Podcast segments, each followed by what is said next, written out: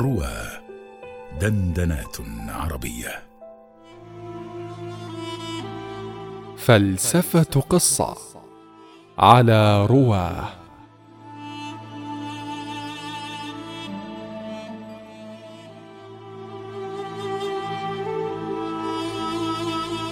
ماتت خديجة زوج النبي صلى الله عليه وسلم ومات عمه أبو طالب في عام واحد. في السنة العاشرة من النبوة فعظمت المصيبة فيهما عليه إذ كان عمه هذا يمنعه من أذى قريش ويقوم دونه فلا يخلصون إليه بمكروه.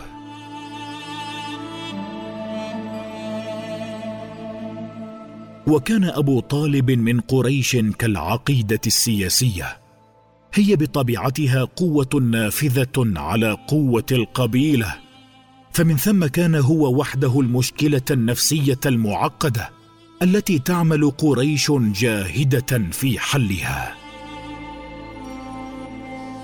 وقامت المعركة الإسلامية الأولى بين إرادتهم وإرادته وهم أمة تحكمهم الكلمة الاجتماعية التي تسير عنهم في القبائل وتاريخهم ما يقال في الألسنة من معاني المدح والذم.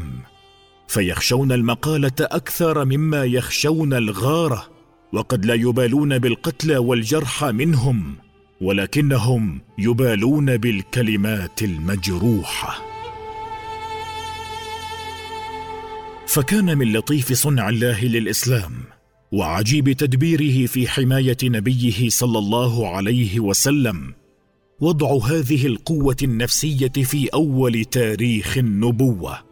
تشتغل بها سخافات قريش وتكون عملا لفراغهم الروحي وتثير فيهم الإشكال السياسي الذي يعطل قانونهم الوحشي إلى أن يتم عمل الأسباب الخفية التي تكسر هذا القانون.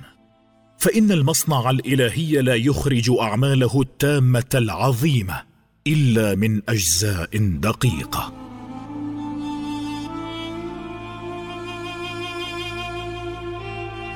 أما خديجة زوج النبي صلى الله عليه وسلم فكانت في هذه المحنة قلبا مع قلبه العظيم وكانت لنفسه كقول نعم للكلمة الصادقة التي يقول لها كل الناس لا. وما زالت المرأة الكاملة المحبوبة المحبة هي التي تعطي الرجل ما نقص من معاني الحياة وتلد له المسرات من عواطفها كما تلد من أحشائها فالوجود يعمل بها عملين عظيمين. أحدهما زيادة الحياة في الأجسام والآخر إتمام نقصها في المعاني. وبموت أبي طالب وخديجة أفرد النبي صلى الله عليه وسلم بجسمه وقلبه ليتجرد من الحالة التي يغلب فيها الحس إلى الحالة التي تغلب فيها الإرادة. ثم ليخرج من أيام الاستقرار في أرضه إلى الأيام المتحركة به في هجرته ثم لينتهي بذلك إلى غاية قوميته الصغيرة المحدودة فيتصل من ذلك بأول عالميته الكبرى. وأراد الله تعالى أن يبدأ هذا الجليل العظيم من أسمى خلال الجلال والعظمة ليكون أول أمره شهادة بكماله. فكانت الحسنة فيه بشهادة السيئة من قومه فحلمه بشهادة رعونتهم وأناته بدليل طيشهم وحكمته ببرهان سفاهتهم وبذلك ظهر الروحاني روحانيا في المادة.